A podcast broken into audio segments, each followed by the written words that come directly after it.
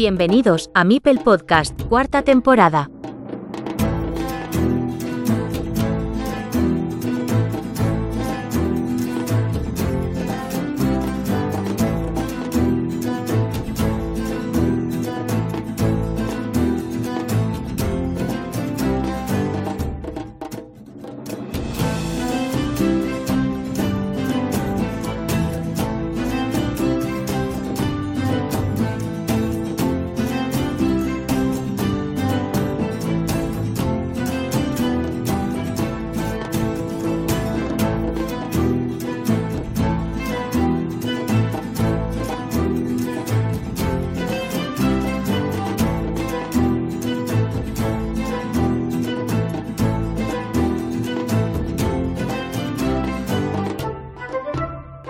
Mis queridos amigos, tras recibir en este programa a varios campeones de Latinoamérica, hoy hacemos lo propio con el campeón peruano.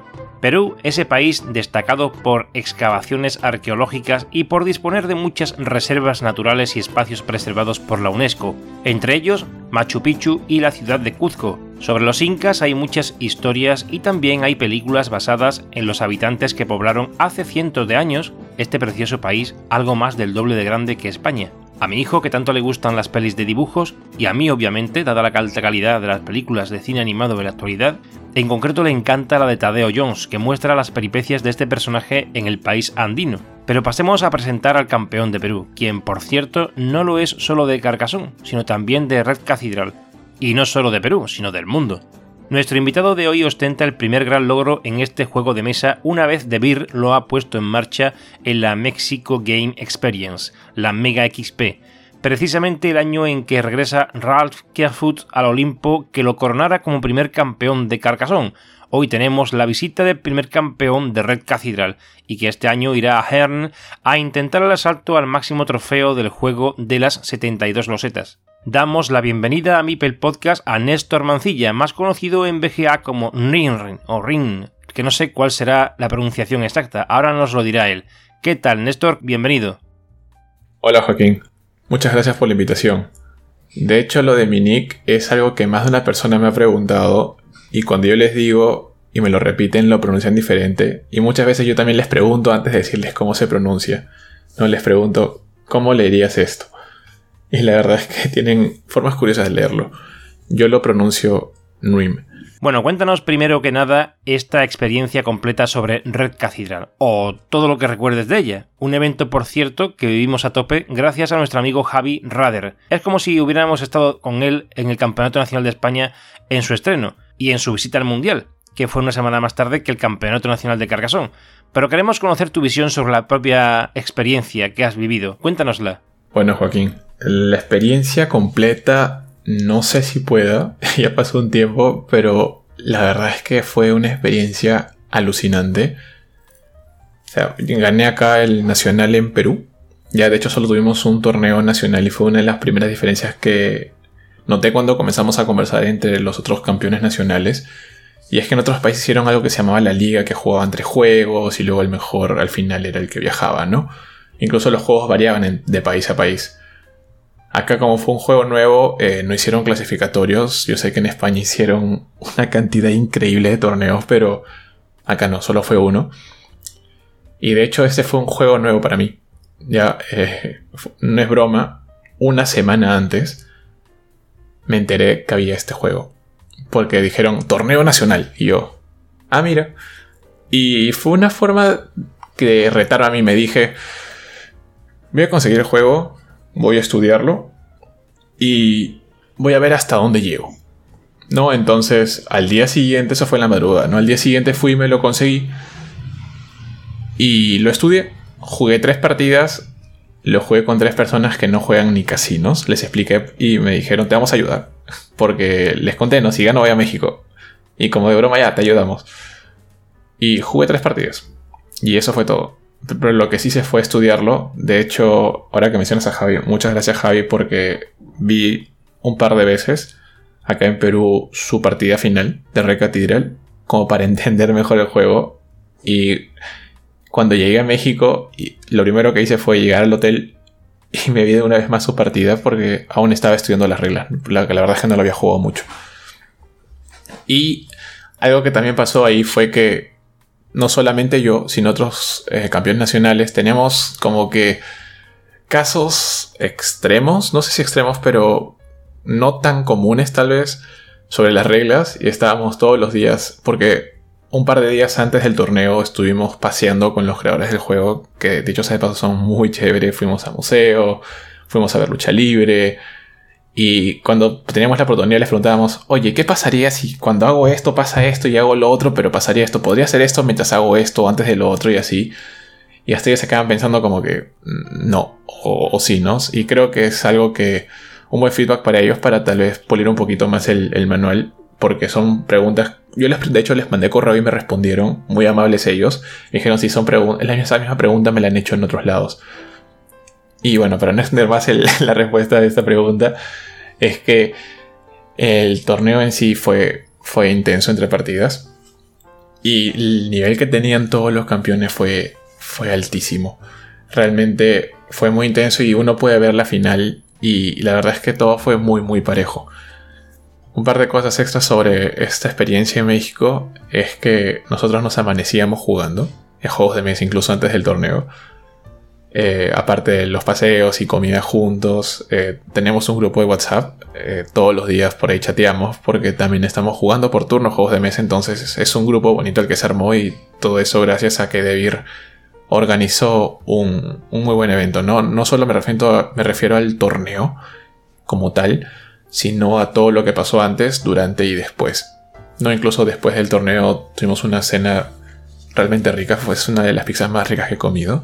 Y solo volvería a ese lugar en México para poder probar en ese restaurante esas pizzas de nuevo.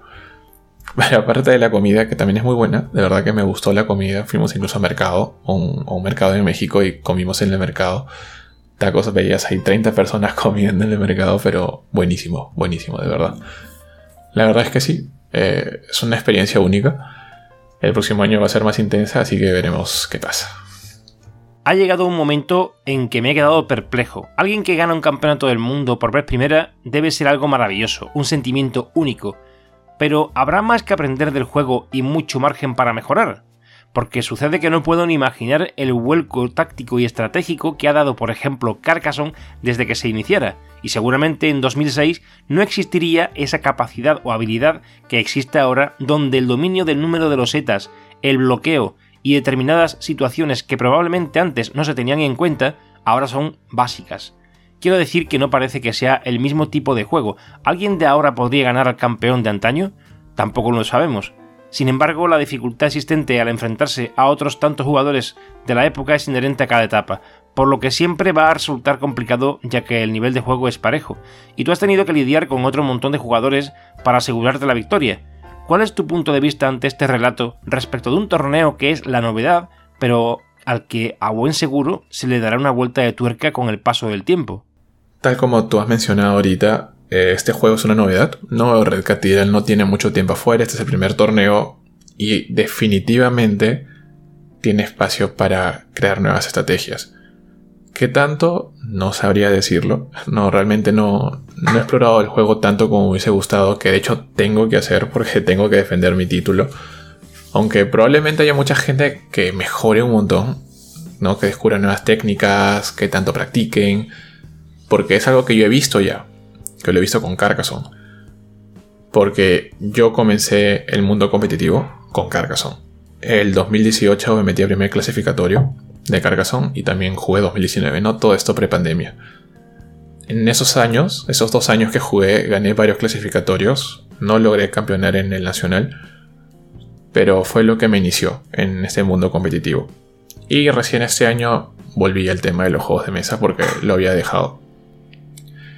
Y también he jugado este año de clasificatorios de Carcassonne, de Catán me metí este año. O sea, sabía, había jugado, pero nunca competitivo. Y bueno, también me, ha gustado. Pero son juegos diferentes, ¿no? Y el Red Cathedral siento que tiene potencial para ser más explotado. De refinar las tácticas que uno usa.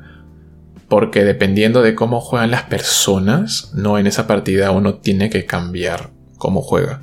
Porque hay diferentes formas de jugarlo, pero si no te adaptas a cómo está fluyendo el juego, probablemente no ganes. Así que sí, el juego va a cambiar, las tácticas van a cambiar y ya veremos qué tanto van a cambiar el próximo año. Porque es cuando uno juega competitivamente hablando que salen ¿no? estas nuevas maneras de, de jugarlo.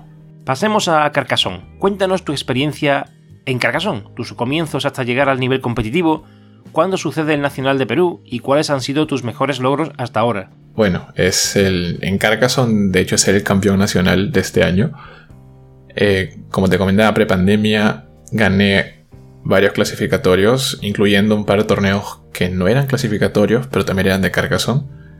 Y bueno, así en tiendas locales. Así que creo que esos son mis mayores logros, se podría decir, en el tema de, la escena competitiva nacional. Ya que mundial tengo lo de Red Cathedral. Y de hecho, en menos de una semana estoy viajando a Essen para, bueno, poder competir en, en el Mundial de Carcassonne. Sistema de la fase final, o del día, digamos, en que se celebra el campeonato nacional. ¿Es similar al Mundial de Alemania? Es decir, fase previa de suizo y luego playoff. Realmente no sé cómo será el torneo de Alemania. Como se juega en Perú en todos los torneos, tanto en los clasificatorios como en el nacional, es que dependiendo del número de jugadores tenemos tres o cuatro rondas del sistema suizo y luego de ello, los mejores 8 probablemente pasen a ser ya eliminatorio, ¿no? Ganó 8-4-2 y ya el ganador. Cuéntanos cómo te fue en este Nacional de Carcassonne en el que te has proclamado campeón. Oponentes, anécdotas, etc. El Nacional de Carcassonne acá en Perú se llevó a cabo en un evento llamado Lima Juega. de hecho es la primera edición de este evento, que es algo parecido a lo que se hace en México del MXP, Solo que ser la primera edición acá no fue tan grande, pero aún así estuvo muy bien organizado y tuvo muy buena acogida, así que me emociona saber que están haciendo este tipo de eventos acá en Perú y el próximo año va a ser más grande, ya que significa que va a haber más gente jugando, ¿no? Que ese es un hobby que todos los que jugamos queremos que crezca. ¿no? Entre más crezca va a haber más gente que juegue, más juegos diferentes, más escena competitiva y eso nos impulsa, bueno, al menos la gente que nos gusta competir a, mejorar, ¿no? Anécdota del día de la final nacional de Carcassonne es que estaba enfermo, estaba con pastillas porque tenía que estar ahí sí o sí. Yo solamente la verdad es que quería estar descansando, pero no podía perderme un evento tan importante. Así que dije, voy como sea. Y bueno, fui. Y solo me enfoqué en jugar la partida que estaba jugando en ese momento. O sea, me refiero a no pensar quién iba a ser la siguiente, o si paso o no paso. Solo me enfoqué en la partida, porque incluso en la última partida de las preliminares antes de las finales, ¿no? De la segunda parte, por ahí veían diciendo que no iba a pasar probablemente por los puntajes. Y dije, bueno, no, no interesa, voy a dar lo mejor de mí. Y solo sabía que tenía que ganar esa partida. Tenía que ganar y si es que con esa ganada no pasaba a, las finales, era bueno, ¿no? Igual el próximo año me voy a meter a los torneos de nuevo, ¿no? Gano pierdo. Y me dijeron que pasé. No, pasé entre los cuatro que pasaron, pasé yo. Y fue emocionante, porque nunca había llegado a la final nacional. Solamente o en las clasificatorias que te comenté que había ganado, pero en nacional no. Así que estábamos los cuatro. Y me tocó competir contra un chico que ganó varios clasificatorios. La única vez que yo le gané fue en BGA y no sabía que era él. O sea, hasta después. Por coincidencia, porque fue una, un match al azar en BGA. Pero el resto del tiempo él, él es muy bueno. Es muy bueno jugando. Pero en esta partida me concentré en buscar debilidades en, en sus movimientos y eso fue lo que me hizo ganar esa partida. Y en la final me tocó contra, contra Jorge Muñoz, que es, un chico contra el que jugó bastante, incluso pre-pandemia, en, en, el entorno competitivo, ¿no? En Carcassonne. Y bueno, estábamos ahí sentados bromeando porque tenemos cierta confianza por el tiempo que hemos estado jugando, ¿no? En, en esos torneos. Y que gane el mejor. ¿No? Y fue, fue intenso. De hecho, estoy buscando el video porque sé que se grabó el video de la final. Así que quiero verlo completo y quiero analizar qué es lo que pasó dónde. Al final, sí, él, cometió un, error, ¿no? En, unas últimas jugadas. Y yo supe aprovechar. Tanto en esa partida como en la última de las preliminares. Eh, en los, cuando me quedaban como que 3, 4 rosetas al final, me tomé dos minutos creo en cada partida pensando qué es lo que voy a hacer. No, esos dos minutos que, que me tomé pensando, analicé el tablero bastante para, para decir cuál era mi mejor jugada. No, que es un, algo que uno hace en cada jugada, pero ya cuando quedan tantas losetas, estás disputando de ser el campeón nacional, es... Ves, ves, ves mil futuros diferentes, ¿no? Y eso fue algo que me ayudó bastante. No, al final terminé ganando y... Y bueno, no, me felicitaron todo y la verdad es que es algo muy bonito, no el, ese entorno competitivo, al menos la comunidad que hay acá en Perú, porque todos ellos, tanto los que eh, me ganaron como que les gané, eh, apoyan mucho, apoyan mucho. Más de una persona me ha escrito en privado o me lo ha dicho en persona apoyándome, no dándome eh, aliento, no palabras que que la verdad es que no no esperé, no esperé nunca tanto apoyo, no de gente que incluso no conozco muy bien, pero con las que estamos en el ambiente competitivo y apoyándome incondicionalmente, eh, lo mejor. ¿no? Y ya no falta nada para el torneo, así que es, esa vibra con la que me llevo, ¿no? Para, para Alemania. Para el Mundial de Red Cathedral has viajado relativamente cerca, México, pero ahora para el de Carcassonne te vienes a Europa. ¿Qué idea principal traes a este lado del charco? ¿Divertirte? ¿Conocer gente de la comunidad carcasonera? ¿Conocer Alemania y Europa? ¿O simplemente vienes concentrado para intentar el asalto al Mundial individual? Cuando comenzó este año, si me decían, este año vas a viajar dos veces afuera a competir internacionalmente en juegos de mesa, yo no me la creía. Sí, viajé a México, que está relativamente cerca de Perú, comparado con irme a Alemania. Primera vez que voy a pisar Europa. Y la verdad es que no estoy pensando tanto en pasear, no divertirme o conocer Alemania, Europa. Lo que más me emociona de todo es conocer la feria de Essen, ¿no? De Spielessen. Porque mi sueño era llegar a esta feria, pero llegar habiendo ganado el Nacional de Carcassonne. No, este año cuando gané el Recatirial dije que loco voy a viajar compitiendo. Sí era mi sueño ganar compitiendo en Perú y viajar, pero era Carcassonne de Alemania. Pero aún así era parte de mi sueño el ganar un nacional y luego competir a nivel mundial. Y de hecho gané el mundial allá en México de Recatirial. Entonces, mi sueño era llegar a Alemania. No importa qué es lo que pase en Alemania, yo solamente quería llegar a Alemania jugando Carcassonne. Así que ya la próxima semana voy a decir sueño logrado. Y eso es lo que yo quiero hacer, al menos este año.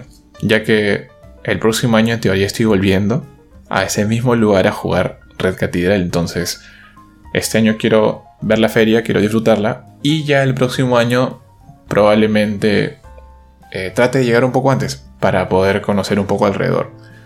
Ya que este año fue, ha sido de un momento para otro. Es como que ya el mes siguiente te vas a Alemania. Entonces, y el próximo año teniendo la fecha, puedo programar bien el viaje para poder conocer un poquito por ahí. ¿Es Carcassonne tu juego favorito? Cuéntanos un poco tu vida de jugador de mesa. Sí, Carcassonne es mi juego favorito. Aunque ya no sé si lo digo con tanta convicción, porque eh, conforme conocí a Red Cathedral, tanto acá en Perú y allá en Alemania, me di cuenta de lo que tiene para ofrecer. Y sé que todavía no lo he descubierto del todo, y no probablemente no lo descubra ni este ni el próximo año.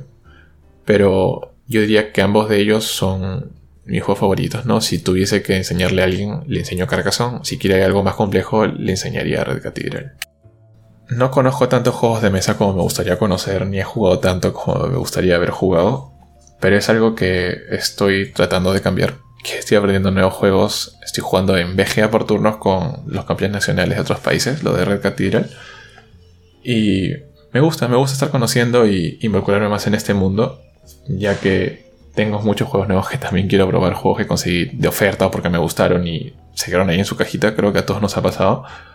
Pero bueno, estoy tratando de remediar eso. Néstor, cuéntanos algo que no te haya preguntado o que no quieras que se quede en el tintero antes de que cerremos la entrevista. La verdad es que no se me ocurre algo que no me hayas preguntado. Creo que entre tus preguntas he soltado unas cuantas cositas más. Pero si tengo que agregar algo antes de hacer la entrevista es jugones que están escuchando, por favor enséñale a jugar a las personas que tienen alrededor. Personalmente yo he podido conectar más con mi familia al enseñarles unos cuantos jueguitos de mesa. Creo que es una, una manera de, de comunicarte con otras personas, ¿no? Hay gente que se comunica mejor en persona, otras por texto, otras en llamadas, algunos hacen actividades juntos y yo creo que una actividad bonita, interesante y que de hecho es un ejercicio para el cerebro. Yo siempre lo digo, jugar es un ejercicio para el cerebro, así que yo hago ejercicio jugando. Es, enseño juegos de mesa, no comparten este mundo que es todas las personas que nos gustan jugar lo que queremos, aunque no lo sepamos, lo que queremos es que esta comunidad crezca, no esta comunidad de juegos de mesa a nivel mundial, ya que entre más personas jueguen, va a ser más sencillo para nosotros jugar, vamos a encontrar más juegos diferentes, van a haber más escenas competitivas, entonces por favor, jueguen. Bueno, creo que estas entrevistas que estoy realizando a los campeones nacionales que van a participar en Alemania en el Mundial de Carcassonne son cortas, pero resultan interesantes para todos. Te deseo la mejor de las suertes y te agradezco tu presencia en el canal. muchas gracias por la invitación a ti, Joaquín, y por tus palabras. Y quién sabe, tal vez en un tiempo estemos hablando del Campeonato Mundial de Carcassonne y cómo logré ganar. Veremos qué pasa. Gracias a la audiencia por estar ahí y un abrazo carcasonero. Nos vemos en el próximo episodio.